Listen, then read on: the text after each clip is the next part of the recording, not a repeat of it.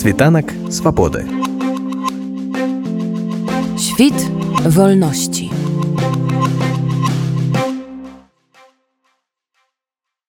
Тацяна, як ты расцэньваеш гэтае рашэнне камітэта Ан па правах чалавека? Гэта для цябе ўжо перамога над рэжымам? Ну я не лічу, што гэта перамога над рэжымам, гэта напэўна хутчэй за ўсё нейкая такая маральная перамога у дадзеным выпадку, Таму што я разумею, што зараз адбываецца ў краіне канешне раней у мяне былі спадзевы на тое что Беларусь там выйдзе на нейкі еўрапейскі ўзровень что гэтая краіна прызнае таксама правы журналістаў фрылансераў перагледзець закон аб сМ але як показалі апошнія там гады что ўсё робіцца у горшы бок і вядома что наша краіна зараз займае адно з першых месцаў по зняволеных журналістаў якія знаходзяцца ў калоніях ды турмах А калі вось вы падавалі гэты пазоў ты разлічвала на пазітыўны вынік? Ці як гэта выглядала? Конечно разлічвала там что я лічу что мы ніякія законы не парушалі. Гэта першае. Трэба ўсё ж таки змагацца сістэмай і даказваць гэтай і трэба ісці до конца я ведаю что не ўсе адразу напрыклад журналісты падаваліся ў камітэт ан Таму што ну лічылі гэты быццам бессэнсоўным. Я пачала са з першага свайго штрафа нават калі вось мяне упершыню штрафавалі гэта было ў 2015 годзе і вось толькі зараз прыйшло паведамленне што мы перамаглі у гэтым змаганні з краінай Беларусі якая нас штрафавала і пераследавала за нашу дзейнасць журналісткую і таму я лічу што ўсё ж таки трэба змагацца. У мяне дарэчы зарэгістраваныя ўжо две скаргі. То бок ужо прыйшлі паведамленні яшчэ ў 2018 годзе про тое што зарэгістравана яшчэ одна моя скарга. Таксама за тое что ну, не даюць мне просто працаваць і штрафавалі за чарговы сюжэт які рабіла для беларускага радыорацыя і ўсё по тым ж артыкулу раней гэта было 22,9 быццам парушэнне закона аб сМ незаконны распаўсюд і выраб прадукцыі сМ так гэта гучала з боку ўладаў. Я ведаю што не адны мы падаліся зараз шмат уже журналістаў яшчэ больш падаецца гэта файна. Я лічу что вось таким чынам усё ж таки мы неяк разварушым гэтае асінае гнездо кажа так і улада ўсё ж таки можа заварушыцца. Тацяна А як тэхнічна выглядае гэтая працэдура То бок з чаго трэба пачынаць і як працягваць? Пачатку мы канешне ж падавалі скаргу на у абласны суд на наш раён які на нас штрафаваў.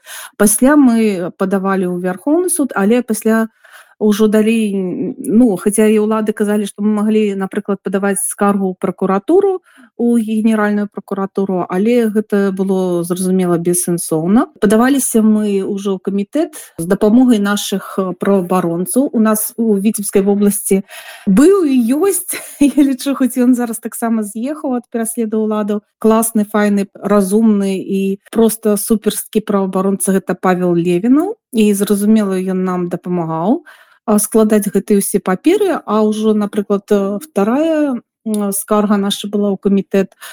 Просто мы с маім калегам з метро лопачым напісалі давернасць паулу левінову.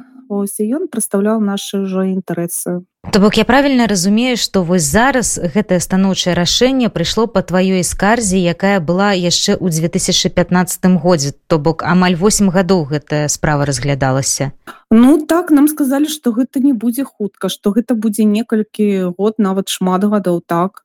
Вось толькі прыйшоў гэты зараз адказ такі радасны і дарэчы ён прыйшоў як бы ну я даведалася канешне пазней але разгляд нашай скаргі быў якраз 14 сакавіка 23 -го года калі у гэты дзень у мяне дзень народзіну бок 14 сакавіка гэта быў як падарунак на мой дзень народзіну А нейкіх дадатковых пацверджанняў камітэтан патрабаваў ад вас ці не мусіш паперы туды адсылалі і яны пасля патрабавалі ўладаў іх пункт гледжання каб яны выклалі чаму нас на якой падставе аштрафавалі і улады дарэчы адказалі што яны карысталіся менавіта унутраным законам аб сМ а што парушае 19 пак міжнародных грамадзянскіх правоў камітэт адказаў ім што падставы такой не было што можна абмежаваць конечно доступ да інфармацыі але калі гэта пагражае нацыянальнай бяспецы ці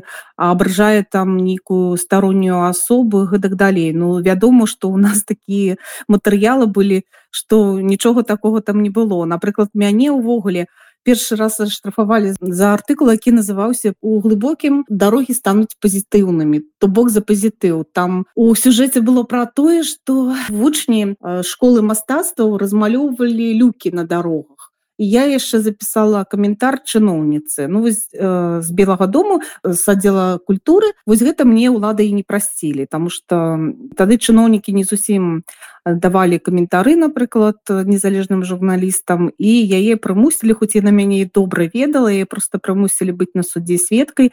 І было няёмка канешне удзельнічаць у гэтым ва ўсім но але так адбылося. І з метра лупача таксама за нейкае інтэрв'ю якое ён просто рабіў у горадзе і пытаўся людзей там стаўленне я уже не памятаю да чаго но там нічого такого не было вельмі складанага альбо такое что паражае нацыянальнай бяспецы беларусі напрыклад А яшчэ удакладней вось ты кажаш мы мы а гэта былі індывідуальныя скаргі ці вось калектыўная гэта былі паасоб калі іх я так зразумела просто у адзін кейс сабралі. То бок вось маю тому что у мяне быў штраф і скарга за 2015 год у Змітра лупача за 2017 наконт Ларысы шыраковай і тамары шапёткіна я дакладна не ведаю за якія гады былі і вось сабралі вось гэтую скаргу якую падаваў наш правабаронца Павел Левінаў ад мяне з Дмітра лупача а за Ларысу шыраковую і тамару шчапёткіну падаваў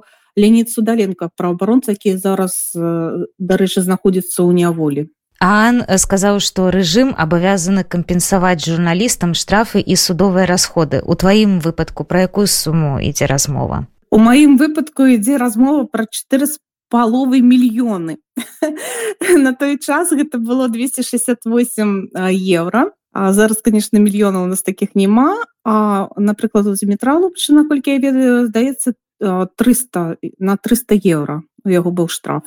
У дзяўчат ужо не памятаю. І ты разлічваеш гэтыя грошы атрымаць я не ведаю калі я атрымаю гэтыя грошы ці не атрымаю можа у вольнай беларусі штосьці і атрымаю калі будзе ілюстрацыя але спадзяюся што ты суддзі які неправамерна нам выносілі гэтыя прысуды яны ўсё ж таки адкажуць перед законам калі наша краіна сапраўды застане прававой калі на увойдзе ў гэтае прававое поле. Там што ўсім вядома а зараз у нас не да законаў як сказал кіраўнік нашай краіны так што законы яны не выконваюцца а просто ідзе загад зверху і все але вы просто стварылі цудоўны прэцэдэнт УАН і вось афіцыйнай дэлегацыі беларусі там зараз будзе яшчэ по адным артыкуле няёмка. Ну я спадзяюся хоць такім чынам але не трэба ўсё ж таки змагацца вось такімі бы маленькімі крокамі але ну трэба ісці да таго ж да чаго усе мы жадаем то бок да нармальнай краіны дэмакратычнай дзе выконваюцца усе законы.